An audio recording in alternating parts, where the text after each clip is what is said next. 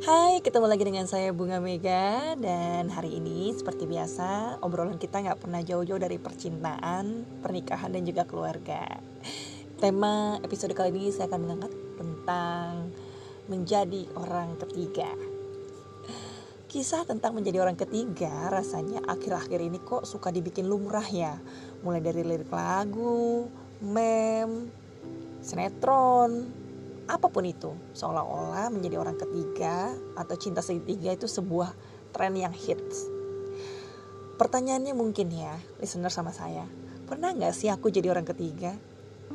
Well mau jujur-jujuran ya hanya di podcast saya I am not that innocent. Tentunya di masa begajulan ya, usia-usia belasan ataupun awal 20-an pasti pernah lah melakukan kebodohan tersebut ya hanya untuk satu kata karena merasa suka, iseng, lucu-lucuan, atau memang haus kasih sayang banyak sekali sih.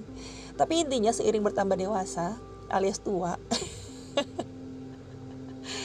saya kok ngerasa yang saya lakukan dulu itu super jahat. Karena secara nggak langsung ya aku dan si pelaku menertawakan ketidaktahuan pasangan kita masing-masing yang percaya sama kita sepenuh hati dan saya juga berkaca saya juga nggak mau dong digituin sama orang yang saya sayang ya nggak sih?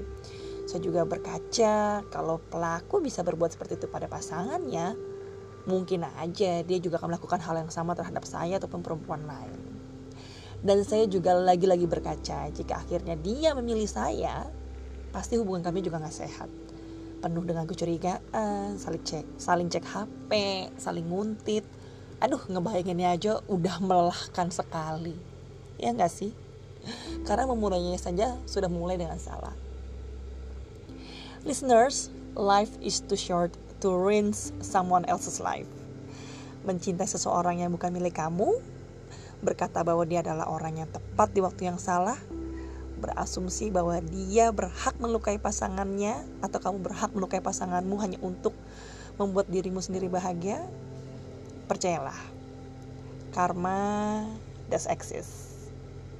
Dan buat semua listeners yang hebat di luar sana tapi belum mampu melihat dirinya begitu berharga dan sangat luar biasa kita latihan ya. Daripada membela cinta yang destruktif lebih baik bersabar dalam penantian yang bahagia. Have a great life. Bye